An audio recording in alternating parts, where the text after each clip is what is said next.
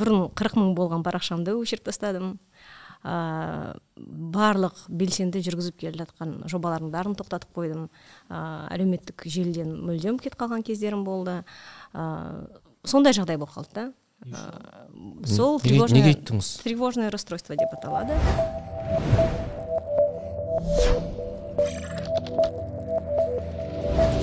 Бүгінгі подкастта біз асыра уайымшылдықтың табиғатын зерттеп көрдік ә, спорт жайлы айттық оның ішінде жүзу спортын қамтыдық спортпен кітаптың байланысын ә, өз өзіңмен жұмыс істеудің өз ойларыңмен жұмыс істеудің ә, маңызы жайлы айттық. Өте пайдалы подкаст болды деп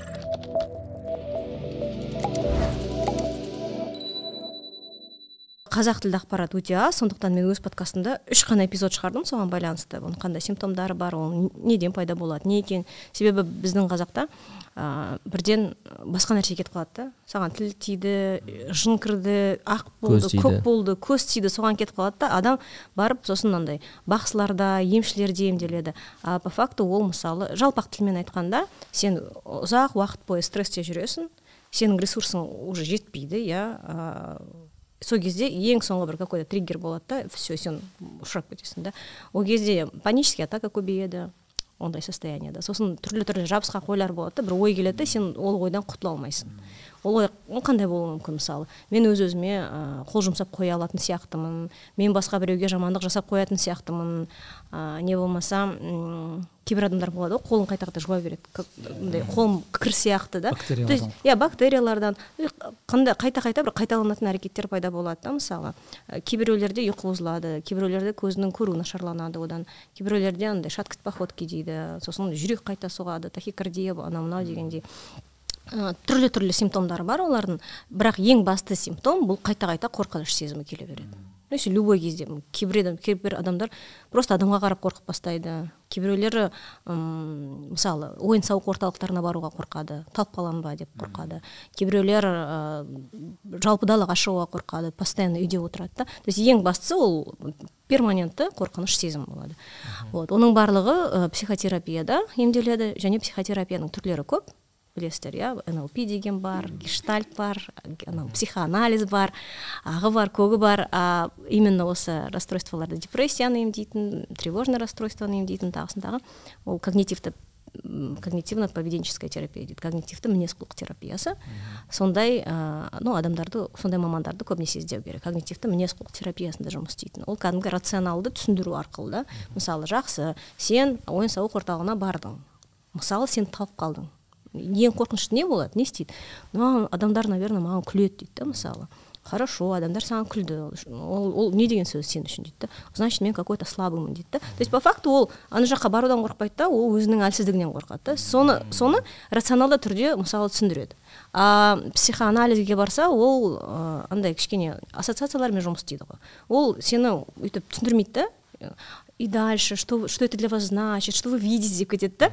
Ол ол мысалы басқа ә, нелерге келеді да проблемаларға а именно егер осындай расстройство мына болса онда именно когнитивті мінез құлық терапиясы келеді и әрине сол терапиямен қатар өзінің когнитивті қателіктерінен арылуымен қатар кішкене тынышталу керек. Мен түсінгенім себебі әлеуметтік желі ол түрлі түрлі бағанағы ақпараттар оны біреу сараптай алады біреу сараптай алмайды дегендей біреу түсінеді біреу түсінбейді. Ә, бір тыныштық керек. Қолмен бірдеңке істейсің ба? Неге екенін білмеймін. Мен ә, кенеттен қызанақ өсіргім келіп кетті да. Просто помидоры хочу сажать дедім да. Сосын үйге андай алып келіп алдым мындай не терезенің алдында өсіретін комнатный қызанақтар бар ғой соны өсіремін деп сурет салғым келіп кетті. То есть какой то бір офлайн нәрсеге жақын болып бастадым да. Сондай суретке түсіремін дедім сосын сурет салуды үйреніп сөйтіп сөйтіп кішкене ол да тынышталды. Бірақ бағанағы сіздің айтқаныңыздың да жаны бар. Себебі м тым көп ештеңке істемей ойларды ойлай берсең қайта қайта қазбалай берсең түбіне кете бересің да. Жұмыс жасау яғни еңбек ол бәрібір көмектеседі. Ә, мүмкін мысалы баяғыда да мысалы ә, ақпарат та сонша көп емес еді. Сосын ата бабаларымыз қайта қайта жиырма төрт те жеті жұмыс істей береді ғой. Бұның өзі де адамға өте жақсы көмектеседі екен. Үм. сол арқылы мысалы сосын сізде андай болмады ма? Өз ойларыммен жеке қалудан қорқамын деген нәрсе? Ондайлар да болды. Түрлі түрлі болды. Сосын андай ойлар ә, сосын не болды? Экзистенциалды кризис дейді ғой. Мына өмір не үшін? Егер барлығы уже жазылып қойса біз не үшін өмір сүреміз? Бұның мағынасы неде? Барлығы жазылып қойса оның оның бірдеңке істеп несі бар дегендей сондай да ойлар келеді мысалы. Ну түрлі түрлі ойлар болады. Сонымен отыз пен қырықтың арасында достарым бар. Мен қазір сізді тыңдап отырып ойлап отырмын сіз айттыңыз ғой бір кейінгі жылдары пайда болды деп осындай нәрселер. Бұл жасқа байланысты ма екен жоқ па екен? Өйткені бағанағы менің достарым жетістікке жеткен. Қырық мың подписчигі бар мысалы үшін. Ә, тағы басқа нәрсе істейді. Бірақ былай қарасам ә, мынаның мәні не деген сияқты бір бәрін тастай салғысы келіп тұрады да. Былай қарасам бәрін істеген өмірде. Бағанадай бір күйзелістер ә, ішті тырнайтын бір ойлар сол күйге адам әдетте сол жас бір жасқа толу керек па әлде? Мысалы сіздің жиырма мен отыздағы айна басқа айна болған шығар. Ондай ойлар келмеген шығар деген ғой енді. Мүлдем басқа айна болды жиырма мен отыздың арасында. Вообще басқа айна. Жасқа байланысты нәрсе ма деген менің ойымша ә, жасқа байланысты да сияқты неліктен. Себебі м сенде тәжірибе көбейеді ақпарат көбейеді. Мен адамды әрқашан андай не сияқты елестетемін де бір сосуд сияқты. Кішкентай кезінде сен ішінде ештеңке жоқ та. Саған бәрі қызық. Жақсысы да жаманы да сен бәріне сыйдыра аласың да. Ештеңкемен салыстыра алмайсың. Барлығы орысша айтқанда саған новый сияқты. Да ал ә, көп нәрсе істеп көп нәрсе көре келе сен толып толып толып уже ішіңе сыймайды дегендей да. Ә, бірақ именно тревожный расстройствоны айтсақ ол жасқа қарамайды. Ол даже мысалы жасөспірімдерде болуы мүмкін да. Ол кішкентай кезіңде ә, бірдеңкені қорқып қалдың дұрыс түсінбей қалдың бүйтіп қалды сөйтіп қалды соның барлығы ә, соның ішінде қалып қалды содан содан ол жылдар келе ушығады ғой. Былайша айтқанда ушығады егер иә егер ә, көп ә, ұзақ уақыт бойы стрессте болсаңыз мысалы дистресс дейді ғой бұл ұзақ уақыт бойы стресс. Мысалы егер бала қайта қайта ұрса беретін ата анамен тұрса да ұрса, ұрса береді ал бала сол кезде не істейді? Ол ә, автоматты түрде өзін емін еркін сезбейді да. Ол ол уже басқа біреудің үмітін ақтау керек басқа біреудің қабағына қарап жүру керек дейді да. Былай өмір сүреді да. Ол ойнауы мүмкін ол күлуі мүмкін бірақ бейсаналы түрде ол постоянно біреуге қарап тұрады. Ол бір ай болады екі ай үш ай егер мысалы бір жыл екі жыл үш жыл сөйтіп өмір сүрсе ол уже дистресс болады да. Бізге жай ғана ә, қарапайым стресс ол адамға пайдалы. Мысалы тіпті спортпен айналысқанда сіз мысалы қатты штанганы көтересіз анау оның барлығы организмге стресс. Бірақ ол бітеді. Тренировка бір сағат болды ма? Мысалы бітеді да сіз білесіз уже ол бітті и қайта сізде андай прилив адреналина болады да мынандай. Или мысалы собеседованиеға бардыңыз иә? Ол да адамға стресс бірақ собеседование бітті сізді жұмысқа алды сізде все стресс уже кетті. Ондай стресс адамға пайдалы ал сіз мысалы үш төрт жыл бойы бес он жыл бойы бір стрессте өмір сүрсеңіз сіз оны өзіңіз ә, байқамайсыз. Мысалы болады ғой андай абьюзермен өмір сүретін әйелдер мысалы сондайлар. Байқамайды. Сен вроде бы ана жаққа барып ә, подружкалармен сөйлесіп келесің ә, саяхаттап келесің но сен постоянно біреу тұрады да сен одан қорқасың. И сен постоянно соған қарап өмір сүресің да и сен уже өзің оны байқамайсың. Сондықтан сондай мысалы ұзақ уақыт стрессте өмір сүретіндер ол, ондай стресс пайдалы емес. Ол мысалы ағзаға да әсер етеді иммунитетке де әсер етеді тағысын тағы дегендей сондықтан сондай нәрсені адам өзі байқап білу керек та. Мен оны содан кейін байқадым осы екі жыл мысалы терапияда. Тіпті ә, тыныш отырған өзінде ә, именно в моменте өзімді сканировать етсем мен былай отырады екенмін сол кезде сосын былай кішкене қолыңызды жұмып қолыңды жұмбайсың жұмбаймын бірақ оказывается мысалы тырысып отырасың да мысалы жауырының былай кішкене не істеп қалады. Иықтарың көтеріліп отырады. А тебе кажется сен нормально отырған сияқтысың да? Бірақ моменте өзің сканерлегенде шық барлығы түседі да. Сондай нәрсе мысалы. Ә, ал бағанағы сұрақтар меніңше олар именно сол туралы айтсақ менің тәжірибемде мысалы достарымды таныстарымды алып қарасам сол отыздан кейін қырыққа таман қойылатын сұрақ. Мүмкін айтады ғой кризис среднего возраста. Сол менде мысалы тұспа тұс келді маған екі бәрі бірге мен мен шын айтсам мен былай айттым. Мен ол мен отыз алтыға толғанда басталды. Мен айттым мына мүшел дедім кризис среднего возраста дедім. Қаңтар война в россии ковидтің салдары короче менде барлығын қосып мен себебі нақты неден екенін түсінбедім ғой. Сол барлығы бірден қосып мен айттым мынаның наверное мынаның барлығы менде бір андай оқиға болды да басынан өткен бағана қорқынышқа байланысты ғой. Менің бір досым бар ол үлкен жаңағы жоғары оқу орнында мұғалім докторантураны оқып жатқан и ол докторантура диссертация жазып жатқан. И бір кезде ол жаңағы мақала жазу керек скопусқа деген секілді. Ана мақаланы уақытында жазбайды да оған жаңағы жетекшісі сұрақ қояды. Осы уақытта жазып бітіруің керек. Ол уақытта жазып бітпейді да енді кез келген уақытта бағана жетекшіміз звондап қала ма деген қорқыныш пайда болады да ода сөйтіп телефоннан қорқа бастайды. Қазір маған звонок келіп қалатын сияқты қазір келіп қалатын сияқты деп. Ана қорқыныш басында өте кішкентай болды. Ары қарай ұлғайып ұлғайып ананы айтқанда өте үлкен бір бұлт секілді қоршап алды да. Ол кейін мен онымен сөйлестім досы болғаннан кейін ә, сенің проблемаң дым емес қой деген секілді. Вообще проблема емес қой деген секілді. Оның қасында өте үлкен аурумен ә, жаңағы күресіп жүргендер бар әртүрлі енді жұбатып сөйлесіп басында проблема шешкен де боламыз екі рет жолықтық кейін бір күні таңғы бес жарым кезде маған звондайды да мирас мен өзімнің қолымды кесіп тастадым дейді сөйтіп таңғы бес жарымда ана үйіне бардық адрес қате жазып жіберіпті. И мен скорый шақырдым. Скорый бірден жаңағы полицияны шақырған бардық та біреудің басқа біреудің квартирасының есігін бұзып тастадық ше. Сөйтсек басқа корпуста екен. Оған бардық. Барсақ ше есік ашық тұр екен.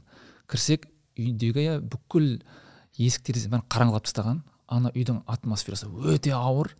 Барсақ жаңағы қолын кішкене кескен қатты кесе алмаған енді жаны инстинкт құтқарып қалған болуы мүмкін. Тірі кішкене ғана қан жоғалтқан. Сонымен ары қарай алып кеттік та. Кейін телефонын қарасам историяда қалай өзін өзі өлтіруге болады деген бүкіл запрос сондай болған да. Кейін енді психологпен сөйлесіп жаңағыдай имамдарға да алып барып ары қарай емделіп кетті да. Бірақ сондағы өте ұсақ қорқыныштан басталды да. Соңында ананың өзін жұтып қойды ғой негізінде ше. Қат және бір қызық жері жаңағы қорқыныш ананың бұрыннан бері істеп жүрген оңай нәрселерін істей алмайтындай деңгейге жеткізді. Өте жақсы жаза алатын адам. Бір сөйлемде жаза алмай жаза алмай қалды да қорқыныштың үлкендігі соншалық. Сондай қызық нәрсе болды. Демек біз ә, қорқынышты ойдан тауып алдық. Енді оның қорқып жүрген жүрген адамды қарапайым адам мысалы жетекші ол, ол даже оған бір сен осыны істемесең оқудан шығарамын деп ештеңе айтқан жоқ та енді просто мына уақытында мынау понедельникке бітір деді ол өзі тауып алды да. Ойынан мүмкін синдром отличника ма қандай екен? Негізі сол ә, тревожное расстройство дейді ғой. Соған ұшырайтындар бұл өте жауапкершілігі жоғары адамдар ә, синдром отличника бар мысалы эм, жоғарғы эмпатиясы бар адамдар өзінен гөрі басқаны көп ойлайтын. Өте андай сезімтал адамдар высокочувствительный дейді ғой. Сондай адамдар да көп жағдайда. Вот просто өз өзіне көп жағдайда қамқор бола алмайды бірақ басқаларды ойлайды. Сондай адамдар көбірек ұшырайды дейді. мен байқағаным осындай нет осындайға склонен адамдар көбісі басқаларға пайдалы болсам жағамын деп ойлайтын иә иә. Подсознательно сондай бағдарламада мысалы мен ә, жақсы болуым үшін мысалы жағуым үшін мен үнемі басқалар үшін бірдеңке істеп тұруым керек істеп тұруым керек істеп тұруым керек дейді да мысалы. Мен себепсіз махаббатқа лайық емеспін деген сияқты бір? Иә. Основа шартсыз махаббат. Бұл жерде ықылас дұрыс емес болып тұр ғой. Негізі депрессияға түспейтін адамдар ылғи басқалардың бақыты үшін өмір сүретіндер да. Бірақ оның мақсаты ананың бақытты болу емес мақсаты былай айтқанда жоғарыдан бір жаңағы бір құдайдың разылығы үшін деген секілді. да мен мысалы пәленшеге үй алуына көмектесіп жатырмын бірақ оны мені мақтасын деп емес мен бір жақсы іс жасап жатырмын деп бір құдайдың разылығын ал мақсат сондай болған уақытта ондай адам ешқашан депрессияға түспейді деп ойлаймын. Өйткені ол ә, басы айтқан жер бесікке кіргенше ә, тағы қандай жақсылық жасап үлгеремін деген ойда болады да. Мысалы өткенде кім санжар керімбайдың ә, кімнің өзбек әлі жәнібек және мәдина майдан деген кітабын оқып жатырмын да. Ол кісі ә, айтқанда ақ өлімнің алдында өлім төсегінде жатқан кезде анау әмір темірдің қожа ахмет яссауи кесенесін қалай ә, қаржыландыру керек деген бұрын жазып кеткен шағатай тілінде жазылған ба соны қазақ тіліне аударып жатыр екен да. Өйткені не үшін бұны жасап жатсыз десе бұны мен жасамасам ешкім жасамайды ертең қалып қояды дейді да. Сонда ол енді бір түркістандықтардан бір мақтау күтіп отқан жоқ. Бірақ мынаны келешек ұрпақтың алдында бір қарыз секілді жазып жатыр да. Былай айтқанда мақсаты мүлдем бөлек. Қар, жасы жетпіс сексенге келсе де әлі күнге дейін тірлік жасап жатыр негізі. Ондай адам ешқашан депрессияға түспейді былай айтқанда үңгірдегі адамдарда ешқашан депрессия болмаған деп айтады ғой негізі. Сол секілді қызық ой неде жаңағы отыз бен қырықтың арасында переосмысление дедік қой? Ә, мысалы сіз енді ортада статустағы адамсыз да бірақ көбінесе мысалы ә, күнделікті мысалы бір күн жұмысқа бармаса аш қалатын немесе бір күн жұмысқа бармаса ол ана қалтасынан бірден байқалатын адамдар көбінесе бүйтіп өзін ойланып миссиясын ойланып отыра алмайды ғой. Демек бұл ә, қалай ана жұмысты былай бір апн ретінде пайдалана ма? Или ана қайсысы жақсы? иә иә бағана дистрестерде жүр ғой ол да ортада өшіріп жүр ғой иә жоқ мен мынаны білгім келіп тұр да. Ортада осындай ойға келу еріккеніңіз ма? Немесе ақша күнкөрістің қамымен ол жайлы ойланбау жауапкершіліктен қашу ма? Қайсысы деген секілді.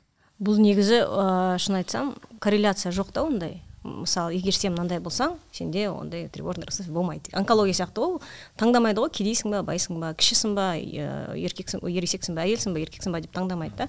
Бұл тек қана адамның өзінің сосын несіне байланысты? Ә, тревожно мнительный характер болады. Сенің тума біткен сенің мінезің болады да. Себебі ә, мысалы ә, бір балаға ұрыссаң жүрегіне жақын қабылдайды. Екінші балаға дәл солай ұрыссаң әй дейді да жүгіре береді ғой андай сотқар балалар болады ғой. Қояншық сондай. Ә, олардың мінездері басқа. Өмірдегі бір нәрсе екеуіне екі түрлі әсер етуі мүмкін.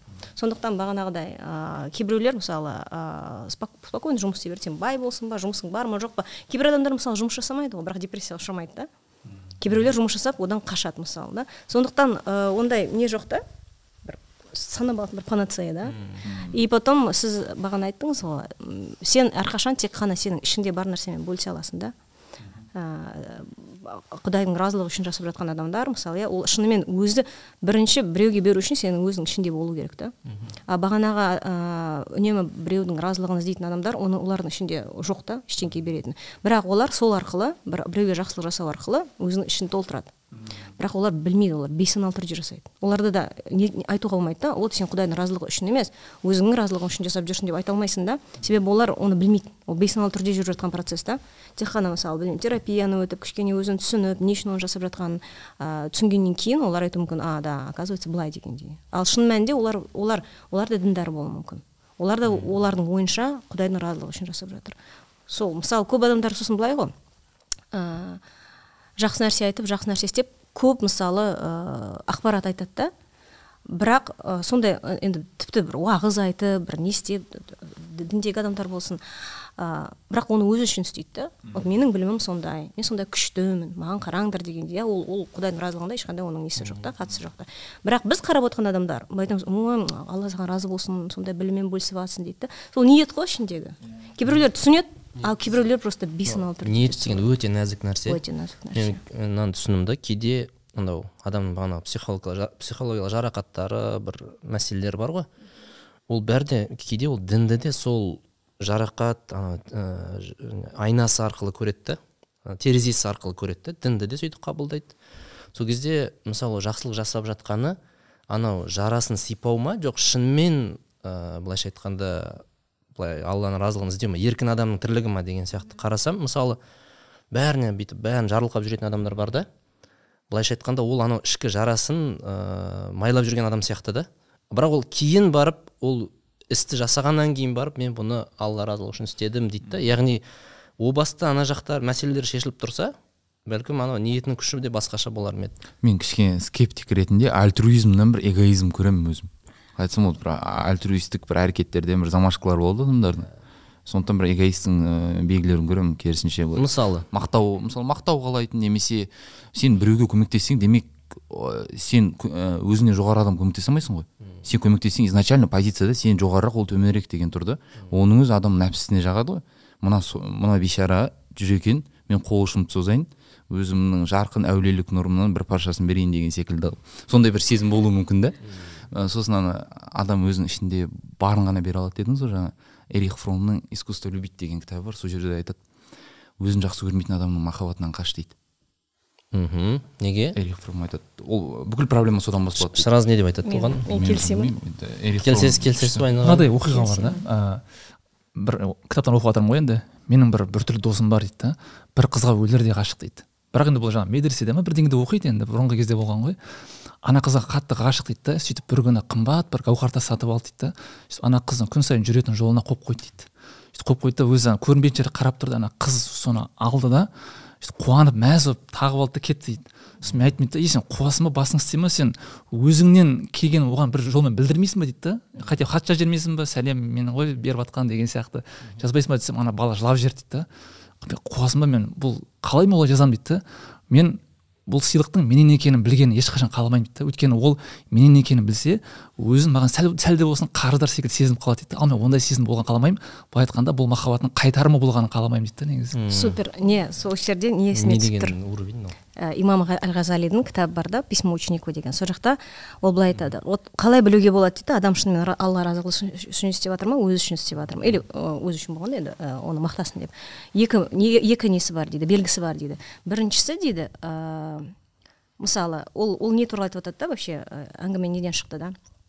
Ә, жиналыстарда егер ә, көп адамдар жиналып жатқан жерде бір адам бір нәрсені қате айтып қа- қате айтып қойып сен оны түзегің келсе дейді ол кезде осы жерде ниетіңді байқа дейді. Сен түзегің түзегің келіп ә, өзіңнің біліміңді көрсетіп өз өзің ішінен мақтануың мүмкін дейді ол алланың разылығы үшін емес дейді да. Сол кезде айтады бірінші белгісі дейді сен сол ақпаратты ә, кім айтқанда бәрібір болу керек дейді да. Именно өзің айтқан емес. Сол шындықты дейді басқа біреу айтса да сен ішіңде разылық болу керек дейді да. Ал өзің айтқанды қалап тұрсаң демек бұл жерде бағанағы айтқандай кішкене бір не шірк бар дегендей. Екіншісі айтады ә, бұны ол осы ақпаратты сол жиналыста емес дейді барлық адам көріп тұрған жерде емес оңашада айтқанды сол дұрысырақ болады дейді. Сол екі белгі болса дейді демек сенің ниетің түзу дейді. Біріншісі бір оңашада айту потому что көп адам ә, қарап жатқанды жерде айту сәл пәл андай болады да. Ә, сен өзіңнің біліміңді көрсетіп тұрғың келе- келеді и сосын говорит ол ол сөзді басқа біреу айтса да саған спокойно болу керек те. Былай қап неге мен айтқан жоқпын осы жерде менің менің білімімді бұны бір көрсетейін бала тәрбиесіне қолданса да болатын шығар негізі иә? Бұл бала балама хат деген кітап балам өсиет деген кітап қой иә? Письма ученику деген. Бізде бар ғой ол кітап иә О, сол жақта жақсы жазылған да осы жерден мысалы ненің белгісі шығып тұр да? Ә, пассивная агрессия. Бізде қазір мен қоғамда жоқ мен өзім солай несі сол ой келіп жатыр да. Жоқ мысалы ә, ана жерде көптің алдында мінін түзесе ол да бір кейде агрессия ретінде саналуы мүмкін пассивный. Мысалы ә, мен көп байқаймын ә, адам мысалы былай дос сияқты болып араласып жүреді бірақ әрдайым мысалы осындай бір сәттер болады қателесетін. Сол кезде түртіп қалу есіне салып отыру бетіне басып отыру деген сияқты. Бірақ ә, әзіл мен сарказм арқылы жеткізу болады да. Мен өзім ә, байқаған ол адам самооценкасына әсер етеді. Вроде бы адам әзілдеп жатыр. Бірақ оныншы рет сондай стильде бір әзіл кеткенде сен оны сеніп бастайсың. Может айнаға қарағанда сол ана әзілде айтылған белгілерді көріп бастайсың да. Біз айна деген сөзді көп қолданып тырысып жатырмыз байқаған шығарсың бағанағы мәселе айна ханым ә, не маманға жүгіндім дедіңіз ғой? Мысалы мен өзім оны қолдаймын. Бірақ әлі күнге дейін ондай бір білмеймін мұқтаждық болмады ма? Жоқ бірақ ә, ол жалпы маманға бәрі жүгіну керек па жоқ. Құдайға жүгінетін шүкір деңіз бұл- мысалы қазір сіз тыңдап отыр өзін танып жатқан адамдар да бағана қандай дедіңіз? Психическое расстройство. Ә, тревожное расстройство. Тревожное расстройство.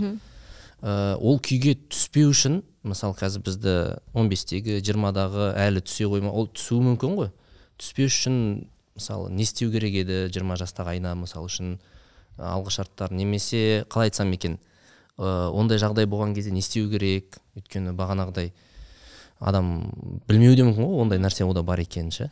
М, шынымды айтсам менде бұл сұраққа нақты жауап жоқ. Бірақ мен ә, соңғы кезде түсінген нәрсем егер сізге психологқа жүгіну керек болса сіз ол моментті жіберіп алмайсыз. Просто настолько плохо болады да сіз ол моментті жіберіп алмайсыз. Ал былай себепсізден өз өзіңді қазбалаудың қажеті жоқ. Ә, мүмкін ол психолог деген не М, ол ойлау қабілеті дұрыс адам да. Вот мен бір психологтан жақсы сөз естідім да мынандай. Ә, терапия это не лечение психики это лечение психикой.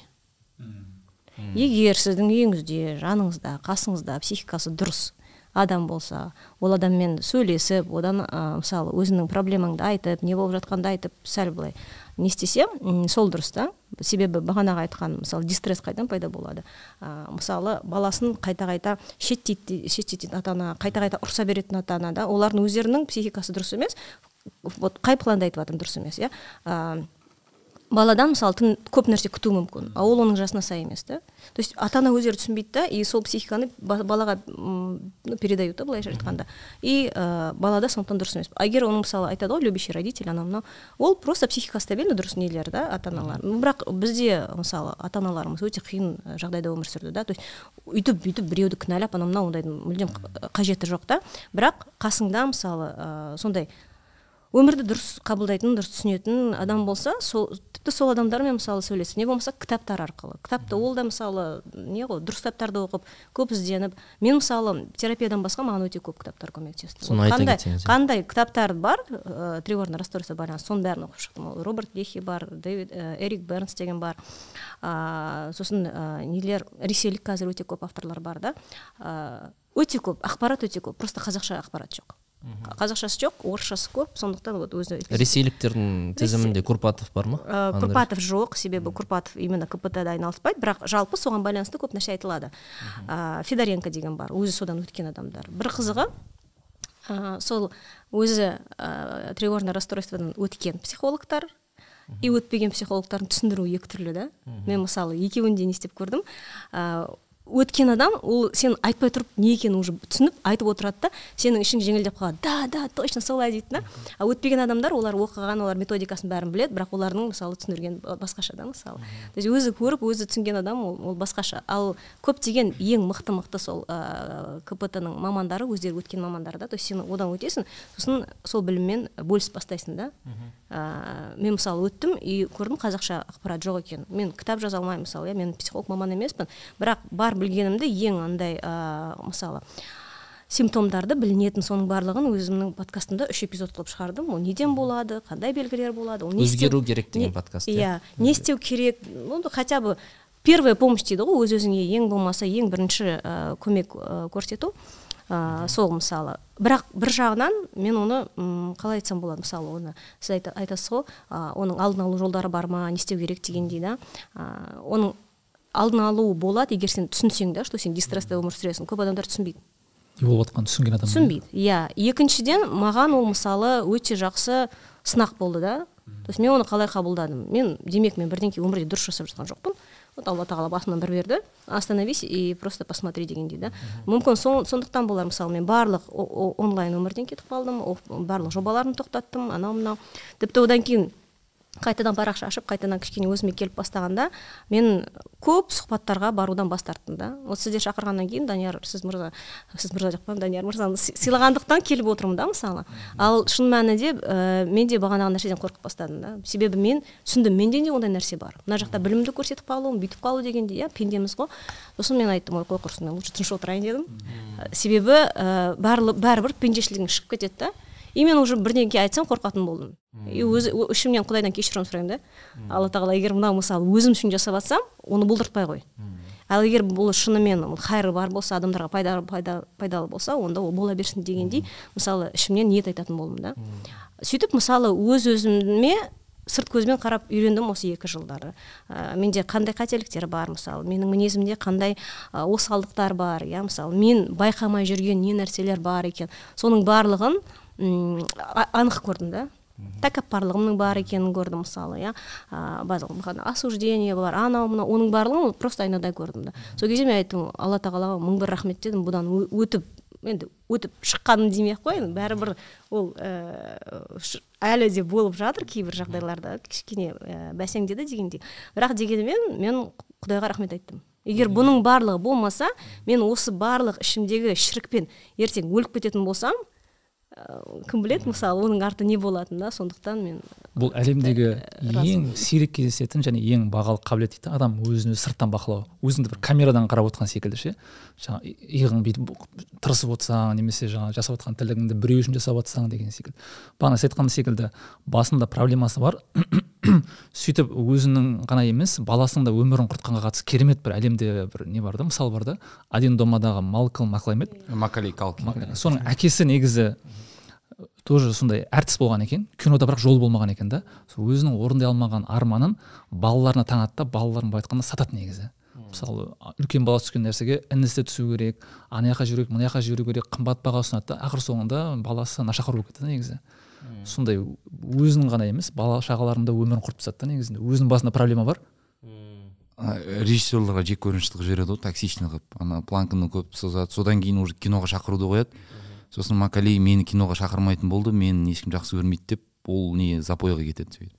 Онда ода да расстройство болды ма? Қазір шықты ғой ол жиырма жылға ма кетіп қалды енді тревожное шықты. расстройство. Мен ана нені ойладым? Жаңа сіз бала кездегі дистрессті айттыңыз ғой. Енді мысалы ерлі зайыпты бар ересек ерлі зайыптының арасындағы дистресс және жұмыстағы дистресс қалай көрінуі мүмкін? Мысалы қандай белгілері бар? Жұмыстағы дистресс меніңше Сізде болды ма?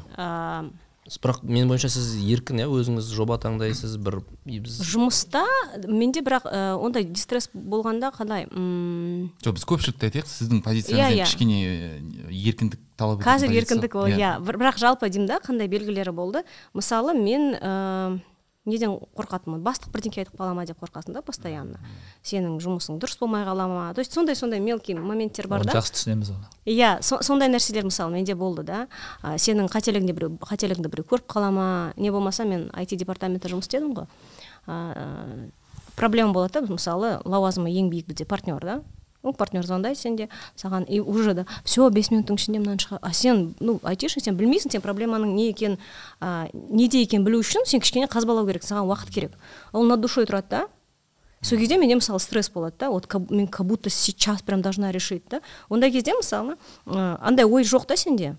Ә, бұл қалыпты нәрсе. Сенде андай волшебный палочка жоқ оны былай ше- шеше салатын да. Бұл сен іздеу керексің проблема неде неге интернет қосылмай жатыр анау соны просто ә, бұрылып анау партнерға түсіндіру керек та бірақ сен олай істей алмайсың сен өзіңді кінәлап бастайсың я че такая тупая че я не могу сделать дегендей да бұл мысалы стресс да Ә, сондай нәрсе егер сіз просто бастығыңызбен нормально сөйлесе алмасаңыз просто қалыпты нәрсені ә, түсіндіре алмасаңыз демек меніңше бір сондай не нәрсе бар да қайта қайта өзіңізге ала берсеңіз да проблеманы бұл мысалы жаңағы бастық пен ы, қызметкердің қарым қатынасын көрсеттік қой.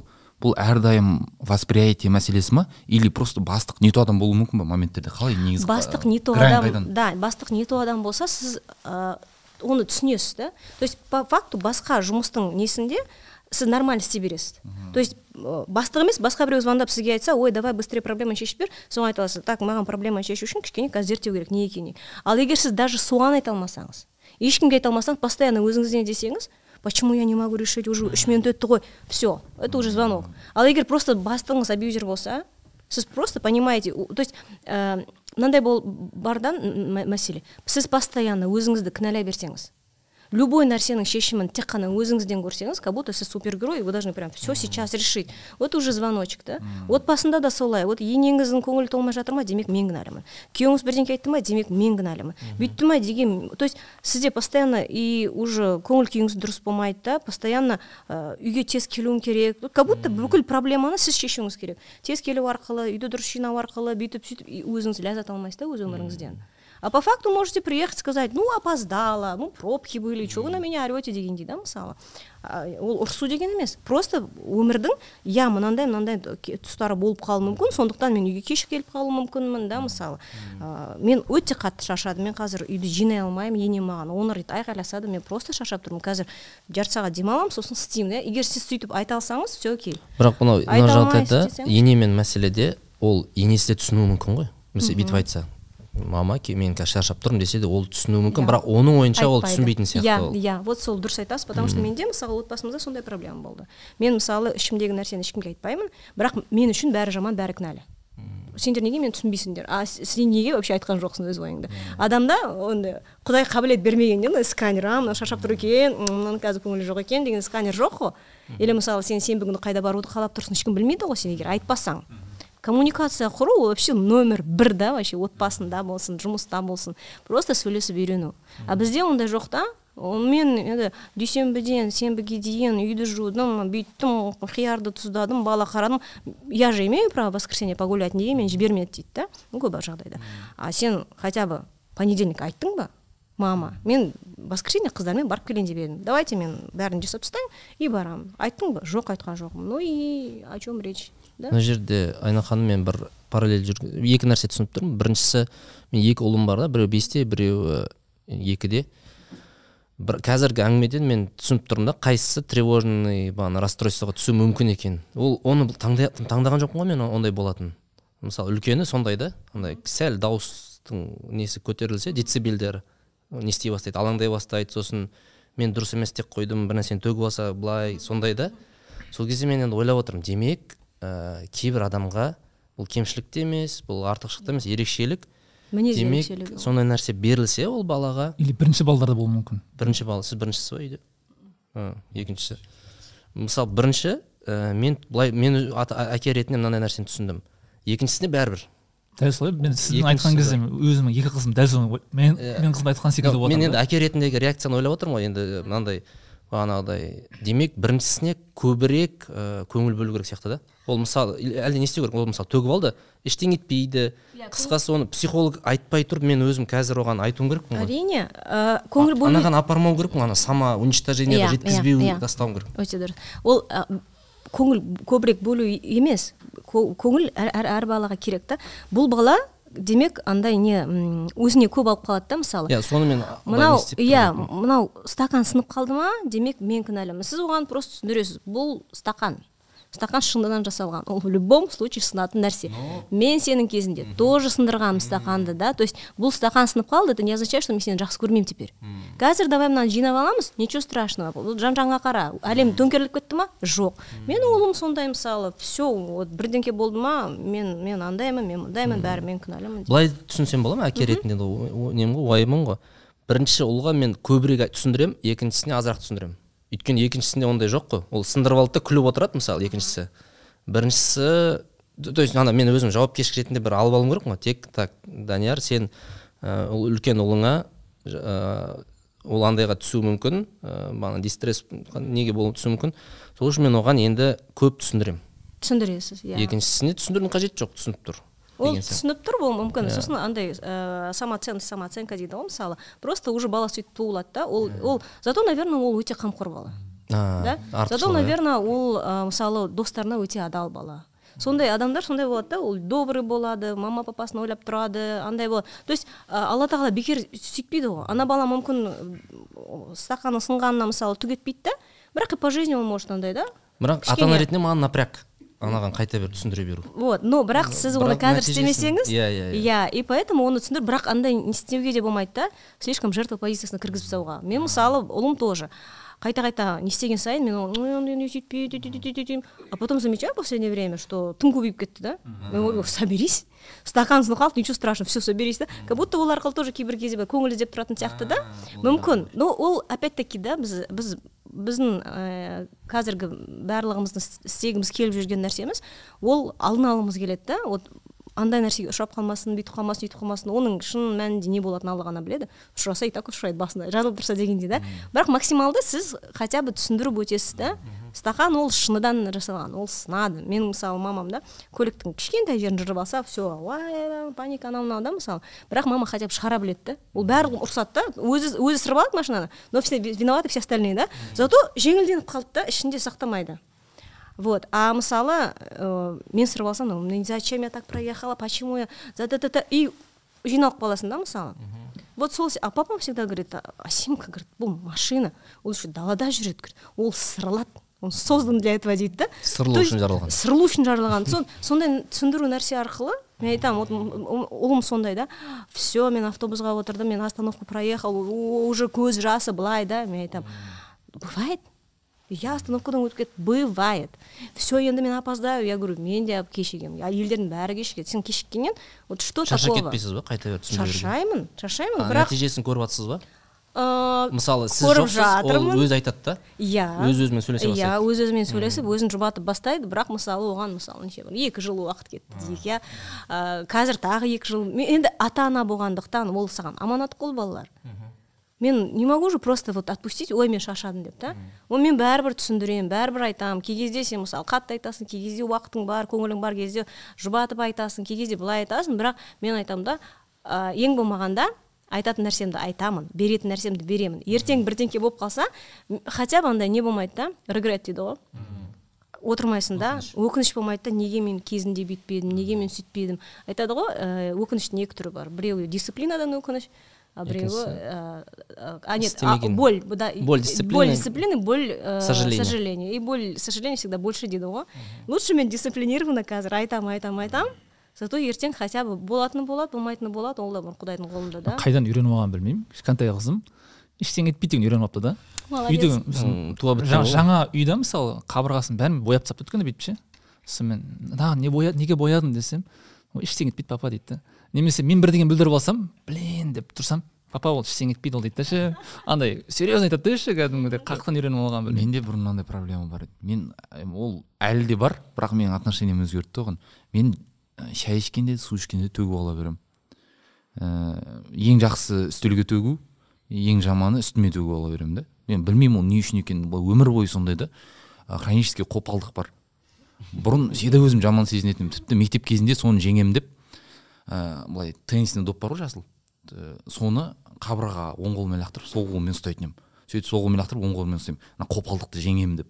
Сөйтіп бір екі жыл сөйтіп не істедім тренировка істейтін едім. Сөйтсем ақыры кетпейді екен.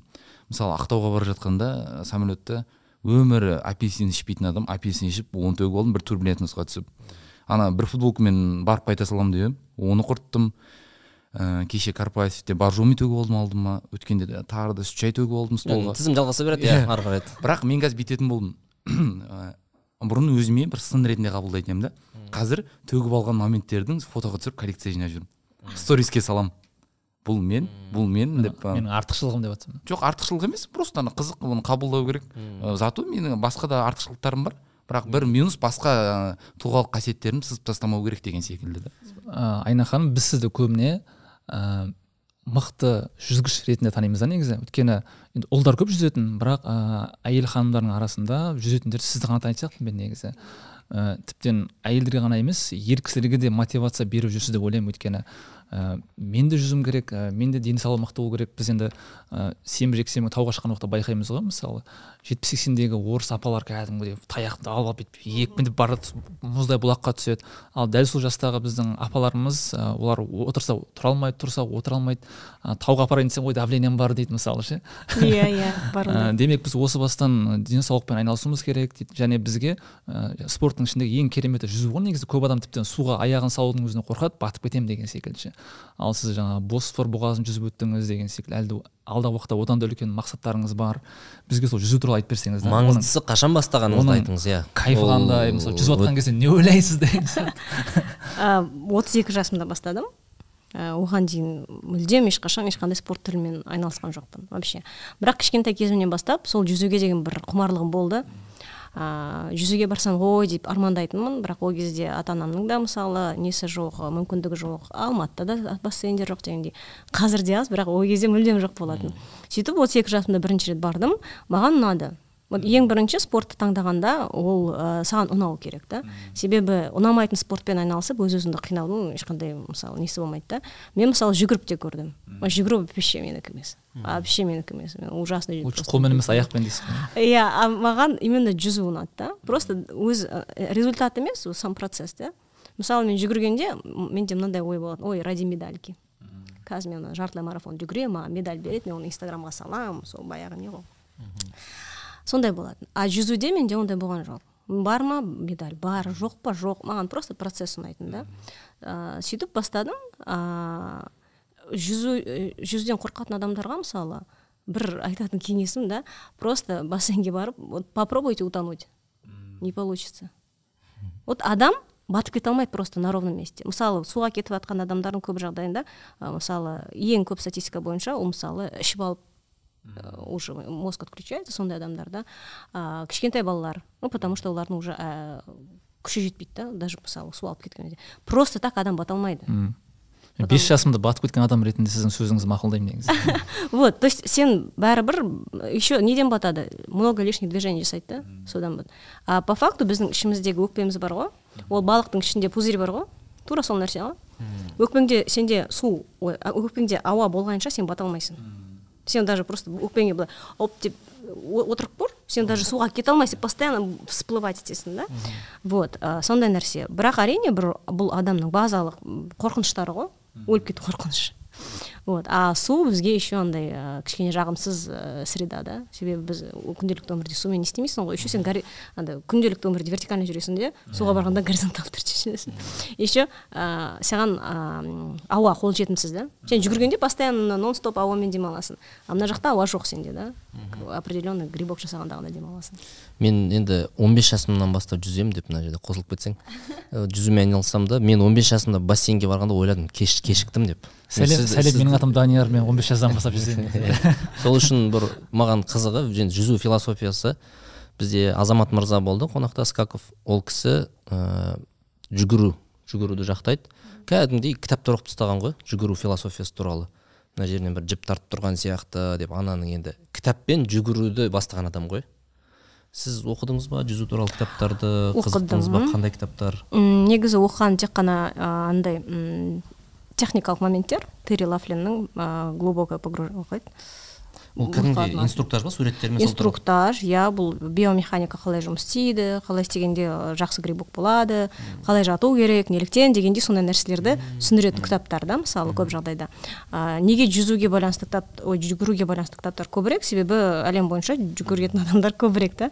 Жүзетін адамдарға қарағанда мысалы а, тіпті мысалы ла маншты алып қарасақ ла маншта жүзіп өткендердің саны ә, әл- эверест эверестке шыққандардың санынан әлдеқайда аз мысалы. Ну, вообще жүзетін адамдардың саны өте аз. Бұл сұрақты неге айттым? Кітаппен байланыстырып. Себебі ә, мынандай нәрсе бар да. Мен мысалы жүзуді инстаграмнан ә, бағана ютубтан үйренуге тырысамын да. Үйренуге дегенде енді көрсетеді ғой ана жерде техникаларды. Бірақ енді абзалы тренермен үйрену ғой. Бірақ ә, кітаптың қандай рөлі бар мына жерде? Бағана сіз өзіңіз айттыңыз ғой. Себебін түсіндіреді философиясын түсіндіреді. Сол кезде сенің анау нәрсені ә, жақсырақ істеуіңе спорттың өзіне кітап керек сияқты. Өйткені ана нәрсені философиясын мәнін терең түсінген кезде сен оны жақсырақ істейсің. Мысалы мен білем менің сүйікті спортшыларымның бірі бубай сарсайтиев жетпіс төрт килограммда үш дүркін олимпиада чемпионы өте кітап көп оқыған кісі. Ол жерде оның ә, мысалы мен спортшы ағаларымнан да сұраймын неге ә, былайша айтқанда интеллект спортта қатты шешіп кетеді да? Жетістіктерге болсын. Сол үшін бізді қазір спортшылар тыңдаса басқа біреу тыңдаса кітаптың рөлін осы жерде атап өткім келеді. Мысалы сіз бағана кітапты оқығанда сізде қандай бір жаңалықтар болды? Жүзуге деген көзқарас қалай өзгерді дегендей. Дәл сол кітапты оқығанда өзгерген жоқ бірақ мен басқа спорт туралы кітап оқыдым. Кімнің ә, майкл джорданның несі болған ә, жаттықтырушысы болған нутрициолог анау мынау соған бәрі бәрі бірдей ә, сол кісінің кітабын оқыдым. Ә, ол именно майкл джордан қалай ә, жаттықтырған ә, не істегенін қандай не, ә, не, не болған соның барлығын жазды. Вот сол кітап маған кішкене ұнады. Қай нәрселер ұнады? Ә, ол кісі былай айтады. Ә, тоже андай не дейді да бір күйзеліс анау мынау бірдеңке болды дейді да. Сонда сол кезде айтады менде бір жақсы метод бар дейді да мен жалғыз өзім қаламын дейді. И өзімнің ішіндегі вот все демоны дейді ғой. Соның бәрімен сөйлесіп шығамын дейді. Сен неден қорқасың? Сен неге оны істеуден қорқасың? Анау мынау дейді да то есть я говорит разговариваю со своими демонами дейді да. Мен- менің атым қожадағы дейді. Наверное и вот сондай нәрселер ә, жақсы болды да. Какой то бір нелер беретін сияқты да.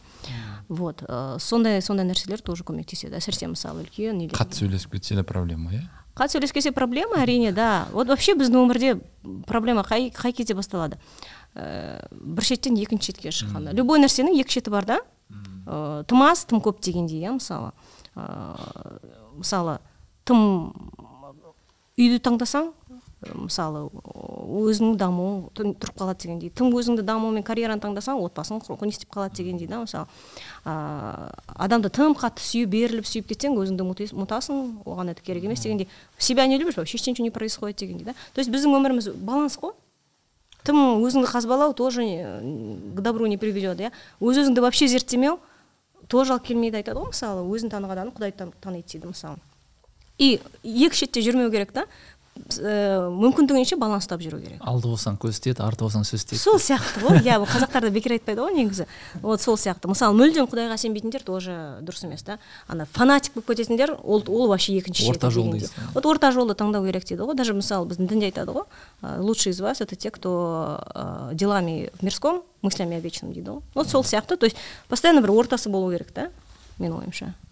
Жүзгендердің өкпесінің көлемі капасити деп айтқанда үлкейеді негізі ауаны көбірек жинай алады деген секілді сондай бір ерекше андай сайд эффекттер бар ғой негізі жүзудің. Жүзген уақытта және ойыңда басқаша бір керемет сезім өйткені адам әуелгіде жаратылғанда негізі судан жаратылды ғой негізі. Сонда бір несі бар шығар деймін да. Суда жүрген уақытта басқаша ойлайсың да аяқпен жүрген уақытта басқа ойлар келеді. Мен со- сондай нәрсені байқадым. Мен енді біз ауылда өстік ауылда үйде канал бар көл бар сырдария бар. Біз енді бала кезден төрт жасымыздан бастап жүзіп үйрендік та. Ә, біз енді бассейннен гөрі жаңағы су бүйтіп жатқан дарияда жүзген жақсырақ та бізге өйткені адреналин көбірек бола ма? Любой уақытта батып кетуі мүмкін да ол жақта ше? Ол жақта жүзудің басқаша бір философиясы сезінемін да өйткені спортта футбол ойнасам басқа ойлар келеді. Ананы алдап кету керек деген сияқты. Аяқтан тебу керек еді деп ол себебі командный вид спорта да. Сен өзіңді ғана ойламайсың сен қасыңдағы мысалы топ мүшелерін де ойлайсың. Бұл жерде сен жалғыз өзің сосын ә, мысалы м, тіпті жүгіргеннің өзінде сен қасында бір адаммен жүгіріп әңгімелесуің мүмкін. Не болмаса наушник киіп алып подкаст тыңдайсың ба музыка тыңдайсың ба? Жүзуде ондай нәрсе жоқ ол иә ол психологиялық ә, жүгіруге қарағанда меніңше меніңше менің ғана ойым иә қазір маған жүгірушілер постоянно не болады да? Что с нами жазыңыздар жүгірушілерді. Иә ол психологиялық кішкене ә, қиынырақ болады да. Себебі сен ә, жалғыз өзің ешкім қасыңда жоқ ешкіммен сөйлесе алмайсың музыка тыңдай алмайсың. Соңғы кезде әрине наушниктер бар жүзгенде тағып алатын. Бірақ жүзуде егер сен шынымен бір жылдамдыққа жүзсең любой ә, не артық нәрсе ол сенің жылдамдығыңды бәсеңдетеді да. Сондықтан мысалы кәсіби жүзушілер кәсіби жүзушілер олар ә, жа- жарыстың алдында тіпті аяғындағы кеудесіндегі барлық жүннің бәрін даже қырып тастайды. Даже маленький жүннің өзі ол тормозить етеді да мысалы. Қарасаңыздар егер олимпиаданы көрсеңіздер барлық ә, үйкеліс болмау керек қой сонда иә? үйкеліс болмау керек. Иә шну онда тіпті плавканың шнуркisi тұрмау керек та. То есть соның барлығы ә, обтекаемостьқа әсер етеді мысалы. Ну енді әрине біздің любительский уровень ондай емес. Бірақ дегенімен маған мысалы наушникпен жүзу кішкене не ә, мешать ететін сияқты да. Сондықтан сен просто один на один. Мысалы 10 километр 14 километр жүзгенде ол үш сағат төрт сағат бес сағат болуы мүмкін. Просто один на один бес сағат жүзесің жүзу философиясы деп жатырмыз ғой. Менде мынандай болады да. Бір психолог апайымыз айтады ә, баланы жүзуге не үшін беру керек? дейді. Өйткені ол адаптивность қой. Мысалы бір ортадан суға ор- түсесің. Шынымен де сенде бейімделушілік деген қасиет психологиялық қасиетке әсер етеді дейді ол. Мен өзімнен де байқаймын. Жүзуге барған кезде ә, орта ауыстыру кәдімгідей ауыстыру позиция ауыстыру. Ол жақсы ойлануға жалпы бір нәрсеге басқа қырынан қарауға көмектеседі. Және жүзу философиясы деп жалпы андай не дейді ғой бағанағыдай ә, өмірде де жүзу керек қой негізі. Ағысты дұрыс ағысты табу керек ағысқа қалып қарай жүру қоймау керек. деген иә иә біз, біз өзіміз жүзіп келе жатырмыз ғой негізі. Мына плыть по течению дегенді кейде дұрыс емес түсінеді да адамдар. Негізі по течению жүзген қызығырақ қой тезірек болады ғой. Мысалы кейде адамдар против течения жүзіп өз өзіне қиындатады да. Көп энергия көп ресурс жұмсап қояды. Бәлкім әркім мына біз мына темаға да қатысы бар мүмкін. Өзін табу өз ісін табу деген сияқты. Сен бағанағыдай алла тағала саған белгілі бір таланттар белгілі бір мүмкіндіктер берген және саған арналған бір ағыс жасап қойған да. Сен сол ағыспен тек білесіз ғой енді аз күш жұмсап сол ағысты тауып алсаң әлдеқайда аз ресурспен көп жүзіп өтесің да. Сол кезде ә, сол нәрсе қатты көмектеседі енді Енді. Бассейнде күшті ойлар келеді ғой. Маған қызық болып тұр да сіз бес жарым ба? Қанша алты километр босфор бұғазын жүзген кезде не туралы ойлады екенсіз сонда? Қанша сағат жүзесіз соны? Ой босфор ол бір сағат бір бір он бес кейбіреулер елу төрт минутта енді бұл ағыстың жылдамдығына байланысты. Бұл ең қиын не емес мысалы менің ең ұзақ жүзгенім он төрт шақырым бес сағат он минут болды да. Бес сағат бойы? бес сағат тоқтамай 10 ма? немесе арасында үзіліс бар ма? Екі екі не бар? Үзіліс емес пункт питания. Ол нені жүздіңіз ол қай жер? Италияда лагодорда деген ә, өзен. Босфор босфор деп жатырмыз осыдан бастау керек еді ғой сразу босфор ол иә ол ә, алтыда бес деп айта алады бірақ по факту бесте бес бесте жеті ал жүзетін дистанцияң шамамен бір ары кетсе үш шақырым. Себебі оның ағысы өте ә, қатты. Қалғанның барлығын ағыс өзі жасайды да. Мысалы сен бір грибок жасағанда уже үш метрға кетіп қаласың ал басқа ә, нелерде су қоймаларында бір грибок жасасаң бір метрге әрең жылжисың да. Мысалы ағыс, ағыс өте қатты әсер етеді да. Вот ол жерде мысалы ағысы бар сондықтан даже ең енді енді жүзіп үйренген адамдар ол алты шақырымды алты дей берейік иә алты шақырымды бір сағат он бес минутта жүзіп шығады да. Ол просто ештеңке ойланып үлгермейсің сен даже ол жерде. Ал ә, нағыз мысалы теңіздерде мұхиттарда болатын мысалы оушенмен деген бар. Қазақстанда да мысалы қапшағайда өткізіліп жатыр. Биыл үшінші жыл болады. Ол жерде ағыс жоқ. Ә, сен мысалы бар күшіңмен өзің жүзесің. Бес шақырым он шақырым дегендей. Ә, сол оушенменнің біреуі сол италияда лагодорта көлінде өтеді. Ә, былтыр 14 шақырым жүздім. Екі пункт питания бар. Кейбір көп жағдайда пункт питания сен жағаға шықпайсың. Плавучий не жүзіп бара тұрады. жіберіп бара жатады ғой иә кейбіреулер. жүзіп жейді или плавучий пункттар болады сен оған жүзіп келесің олар саған беретін тамағын береді мысалы сұрайды не жейсің дегендей. Судан шығасың ба, иә. шықпайсың шықпайсың. А лагодортада ол кішкене ә, тар не да көл. Сен ә, неге подплываешь кішкене хотя бы аяқпен тұрасың. Жейтініңді жейсің бірақ жағаға шықпайсың просто тұрасың суда. Өз номеріңді көрсетесің ол саған тамағыңды береді сен тура ішесің да дальше жүзе бересің сонда екі пункт питания бар. не не ойландыңыз бес сағат бойы не ойлауға болады ол жерде? Маған қызық та. А, түрлі ойлар. Мысалы ә, көмектесе ма ол ойлар бағанағыдай? кейбір ойлар көмектеседі. Кейбір ойлар саған мысалы бөгет жасайды. Тренировкада тоже сол. Че то мен че то мен мына жерім ауырып бара жатыр. Че то мен әлсізденіп бара жатырмын деп ойласаң уже ол нелер ойлар сені мысалы тежейді да? Ал егер басқа ойларды ойласаң жақсы өзіңе көмектесетін олар әрине көмектеседі. Шәмшінің әндерін ыңылдап айтып дейсіз ғой. Ой мен алматының түндері айында айттық потом жүзіп келе жатасың анау а почему у нее два буя деп сосын жүзіп келе жатасың да а мына жақта біз кеше проезжали дейсің а где пункт питания? Сағатына қарап қоясың кей кезде. Түрлі ойлар да. Қазақстанға келмейсіз ба ойша? бір қазақстанға жұмыстағы да жұмыстаға да бәріне келесің просто вот нем бар еді бұл кейбіреулер нем бар еді неге бастадым мен үйде қалуым керек еді анау мынау мен балаларымды кейде ойлаймын.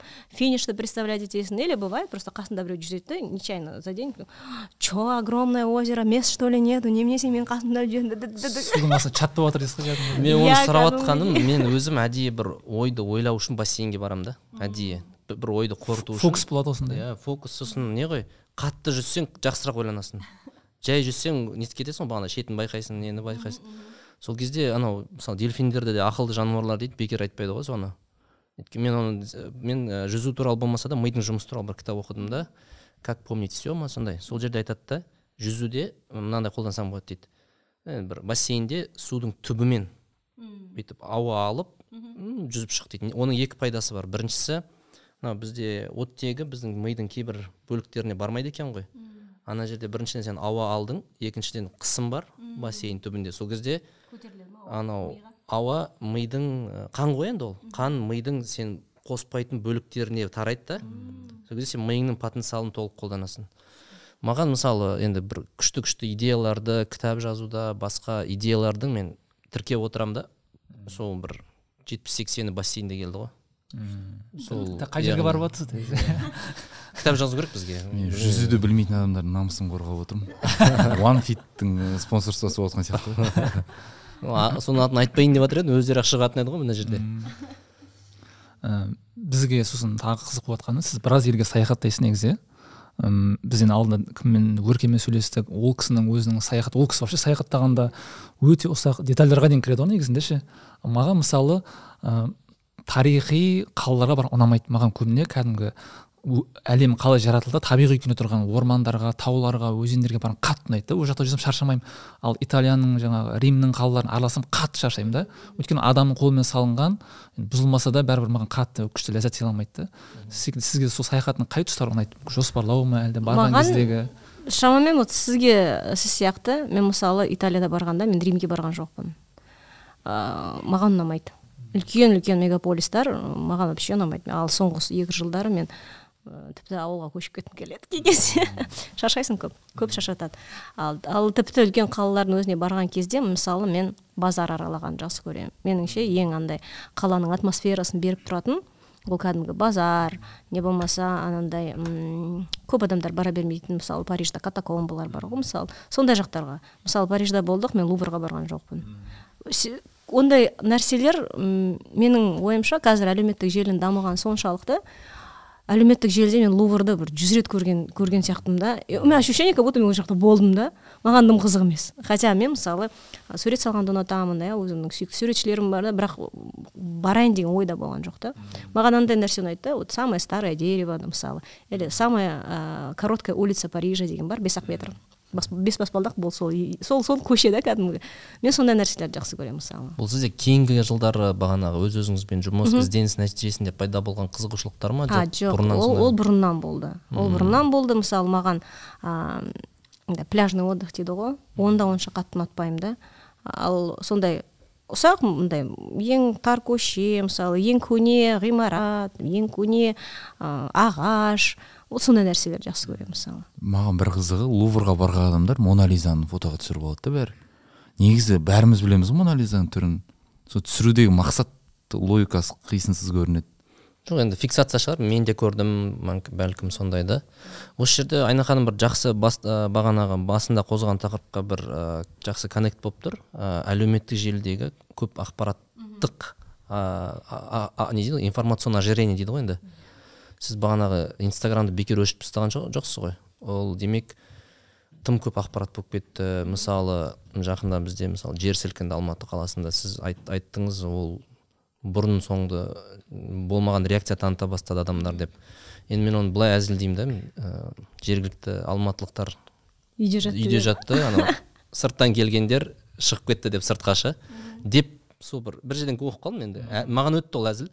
Сөйтіп жіберейін десем кімге жіберетінін білмеймін ғой. Жан, жан жағым бәрі сырттан келген да адамдар ешкімнің ә, намысына тиіп кетпесін бірақ сосын нәрікбиді тауып алдым нәрікби де осы алматылық қой. Сіз де алматылық. Хотя ол нидерландта деп бірақ ол алматыда емес. Коренные алматинцы дейді. Сол соған қандай көзқарасыңыз? Жалпы осы нәрсе көп адамды қазір шаршатып жатыр да мысалы жоқ уайымды менің ойымша жаңалық көрмейтін әлеуметтік желісі жоқ адам ұйқысы тыныш сияқты менің ойымша. Ондай адамдар бар шығар жалпы. Мен келісемін негізі. Мен теледидар көрмегелі он екі жыл болды. Екі мың он екінші жылы үшінші қызымды босанғанда үшінші баламды босанғанда ә, мен теледидар вообще қарауды тоқтаттым вообще. Бір қызығы сол он екі жылда бірде бір бір маңызды жаңалық менің қасымнан өткен өтіп кеткен жоқ. Мен инстаграмды ашқалы бірде бір жаңалық паблигіне жазылған жоқпын. Бірде бір менің подпискаларым мен әрқашан ә, көп болмағанда қадағалап отырамын да. Егер мен ол адамды ұзақ оқымасам тағысын тағысын маған керек емес ақпарат болса мен просто жазылмаймын да. Керек бірдеңке болса просто постын сақтап аламын ертең мысалы керек кезде қайтып келетіндей. Бірақ мен оқымаймын. Маған тек қана керек парақшаларды оқимын. Сосын көп андай негатив жазатын тым көп андай жазатын адамдарды тоже оқымаймын да. Тек қана таныстарымның маған керек нәрселерді бірде бір жаңалық па- парақшасын оқымаймын не болып жатқанын маған себебі көп көп нәрсеге біз әсер ете алмаймыз. Бірақ біздің миымыз қалай жұмыс істейді? Егер мен бұл ақпаратты білсем демек мен ә, бұндай болып қалатын жағдайға жақсырақ дайындала аламын. Бұл иә иә көп сөйтіп ойлайды иә ол когнитивтік қателік қой мысалы. Ә, себебі алматыда тұратынның барлығы жер сілкінісі болатынын біледі. Бірақ ешкім оған дайын болған жоқ. Қазір мысалы төртеуміздің қайсымызда тревожный чемоданчик бар? Шын айтайықшы. Вот менде жоқ. Да то есть яғни біз ақпар и мен ол ақпаратты жер сілкінісі туралы ақпаратты көп оқи берсем парақшаларға жазылсам новостьға жазыл- жазылсам мен мысалы ойша мен бірдеңке істеп жатырмын. По факту мен ештеңке істеп жатқан жоқпын. Сол қинайды ғой біз. Сол адамдарды қинайды да. То есть потому что біз ә, неміз ғой кішкене еренекпіз ғой адамдар да. Біз көп нәрсені білгіміз келеді да бірақ ештеңке істегіміз келмейді. Сол андай нелер бар ғой баяғыда сол соңғы кезде көп болған андай миллионер бол ақ көк дейтін тренингтер көп болды ғой сосын маған да біреу сұрайды неге ондай тренингқа адамдар барады дейді да вот, ну вот. Мен айтамын себебі ойша олар галочка қойып қойды да мен қалталы ә, мысалы бай болу үшін әйтеуір бірдеңке істедім мен тренингқа жазылдым стань миллионером деген тренинг та. Ең оңай жолын ең жасадым. оңай жолын жасадым да и ми ми еріншек орган ғой ми просто галочка қойып қояды да все адам по факту ол тренингтағы нәрсені жасамайды жасағысы келмейді оқыса оқыды оқымаса оқыды оқымады. Студенттер де мысалы оқу орнына түседі галочка мида қояды а мен жоғары оқу орнына түстім. По факту лекцияға бара ма барса барады ал, білімді алса алады алмаса алмайды. Ну шынымен ол білімді алған біліміңді іске асыру ол мысалы он адамның біреуі жасайтын шығар да. Мен де көп көп жағдайда о, мысалы сол тревожный расстройство болғанда психолог мысалы жаттығулар береді ғой. Мен кітаптар оқимын түрлі түрлі жаттығуларды жазып аламын өзіме. И все я замечаю что мен оларды жасамаймын. Бірақ үш ай өтеді төрт ай өтеді алты ай өтеді мен э, рульде отырып жылаймын почему это не проходит что я делаю не так деймін да? Потом өз өзіме айтамын а ты вообще что то делаешь вот написано мынау жаттығуды екі апта бойы там таңертең тұрғаннан кейін жаса вот сен қанша күн жасадың? И мен өзіме шын жауап беремін. Ну мен бес күн жасадым а че ты ноешь деймін да? Что сен одан шыға алмай жүрсің бұл жағдайдан. Потому что по факту сен дым істемедің. А мида галочка бар. Әйтеуір мен мына кітапты оқыдым мынаны істедім мынау психологқа бардым. Тың тың тың галочка қоясың ал істе- іс- іске келгенде ештеңке істемейсің да. Вот сол сияқты. Біз мысалы адамдар ә, жаңалықтарға жазылған анау да мынау әйтеуір білсем мен аманмын дейтіндей да а по факту сен ештеңке істемейсің. Ертең құдай сақтай гөр соғыс болса да сен бункерің дайын ба билетің дайын ба басқа ештеңке істемеймін бірақ мида галочка бар. Сонда содан мысалы сол әдеттен сәл пәл арылуымыз керек. Ә, сен қауіпті қандай қауіп қатер бар екенін білдің ол қауіп қатерден құтылдым деген сөз емес. А бізде вот ақпаратты көп көп көп жинап алдық та ә, а ол ақпарат жоқ болып кетпейді ғой. Ол жадыда қалады да мында біреу мында біреу и просто ақпарат өте көп. По факту ештеңке адамдар жасамайды и уже әрекетке келетін кезде не істерімізді білмей қалдық та. И жан жаққа қашып бензин сатып алып аққу адамдар әрекет етуге бірдеңке істеуге онша дайын емес та. Бірақ біліміміз өте көп. Ол жа- жалпы парадокс та. Біз қазір ең бейбіт ә, бүкіл тарихты алып қарасақ адамзат тарихын ең бейбіт ең адамдар аз өлетін е- аурулар емделетін ә, неде ә, заманда өмір сүріп жатырмыз. Жатырмыз, иә. Бірақ біз ақпараттың көптігі бізде бір қауіптің көптігін де көрсетіп жатқан сияқты. вот а бірақ бірақ қа- қарап көретін болсақ стресс көбейді мысалы тревожность көбейді. Адамдар сәл пәл менің ойымша бір әлсіз болып қалған сияқты да. Мен жер сілкінгенде не ойладым айтайын ба? Біріншіден бұл қазіргі қасиет үш ай кірді ғой негізінде. Ережебай келесі ай шағбан деген алдымызда рамазан келе жатыр және бізде қарасаңыздар енді біз енді ата бабамыз мұсылманбыз. Зілзала деген сүре бар да соның үш төртінші аятында бар ә, жердің сілкінуі раббыңның білдіруі арқылы ғана болады деген ше яғни бір жердеңе сілкінсе ол алла тағаланың бұйрығымен ана сілкіңдер деген бұйрықпен болып жатыр да. Және бір қарасаңыз бірде бір ғимарат бүлінген жоқ та бірде бір адам қайтыс болған жоқ. Ең қызық жері адамдар бүкіл дүниесін байлығын әдемі квартирасын ішіндегі мебельдерін бәрін тастап далаға шығып кетіп береді деп нәски киіммен шығып кеткендер бар да. Бастан құлақ садаға деді да айтқанда. Мынандай қызық нәрсе бар екен. Мысалы шынайы жер сілкінген кезде үй барлық қираса және адам ол нәрсеге сабыр етсе сол қираған машинасы үйі квартирасы бәрі садақаға айналады дейді да. Андай емес. Таба алмай қалған соғып кеткен машинасына садақа деп айтсаң ол садақа болмайды да ол негізі. Ал бағанағыдай шынайы болған апатқа сабыр етсең ә, ол садақаға айналады дейді негізі. Яғни бұрын ешкім садақаға бергісі келмеді. Мысалы миллион тауып жатыр ішіндегі он мың теңгесін бергісі келмеді. Бәрібір құдай тағала алды да одан ше бермей жүрген нәрсеңді өйткені шын жанға қауіп төнген уақытта адам бүкіл дүниесін тастап кетеді ғой. Бергің келмеген нәрсені былайынан алып жатыр да негізі. Және бір қызық жері ә, бізді бір сілкіп ә, ойландыруға не қылды? Бағана сіз айтқан секілді ақпарат өте көп адам ойланып үлгермейді да. Бір ақпарат оқисың ойлайын деп алсаң екінші ақпарат шығады. Біз мына болған нәрсеге терең ойлануымыз керек та.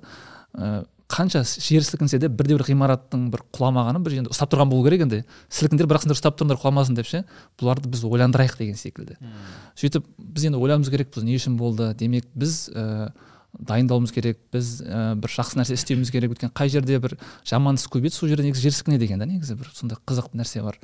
Ә, біз жасап жатқан тірлігімізге отбасымыздағы балаларымызға тәрбие беріп жатырмыз. Соның бәріне бір ақыл салып ә, не істеуіміз керек жақсылықты жаюымыз керек жамандықтан тыюымыз керек. Соңғы уақытта қарасаңыздар андай көп жерде жаман ақпараттар өте көп болып кетті да негізі. Ә, кеше анда не жүр? Пост жүр кешегі жер сілкінген уақытта бірде бір атеист қалмаған шығар деген пост жүр астына қарасаң мен атеистпін мен вообще ол туралы ойлаған жоқпын дейді да. Яғни пікірде өте көп атеисттер сонда атеистердің көбейгеніне былай айтқанда біз кінәліміз да. Яғни біз жақынымызға досымызға ә, біз ә, құдайдың мейірімділігін түсіндірген жоқпыз. Олар танымайтын нәрсесін жау тұтып жүр да негізінде. Ә, біз соның барлығын бүйтіп ойлана келе ғана сондай ойларды шығара аламыз да яғни жер сілкінді болды ха ха ха ху ху емес.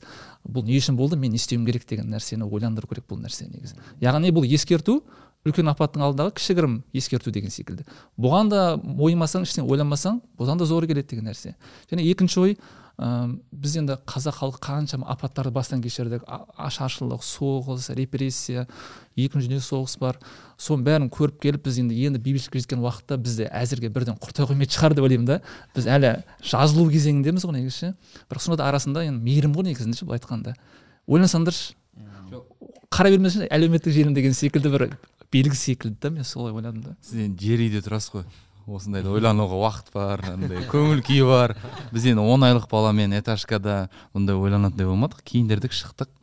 Ә, бір қызығы мен восприятие ұнайды да маған реальность қалай алай былай бұзады деген нәрсе.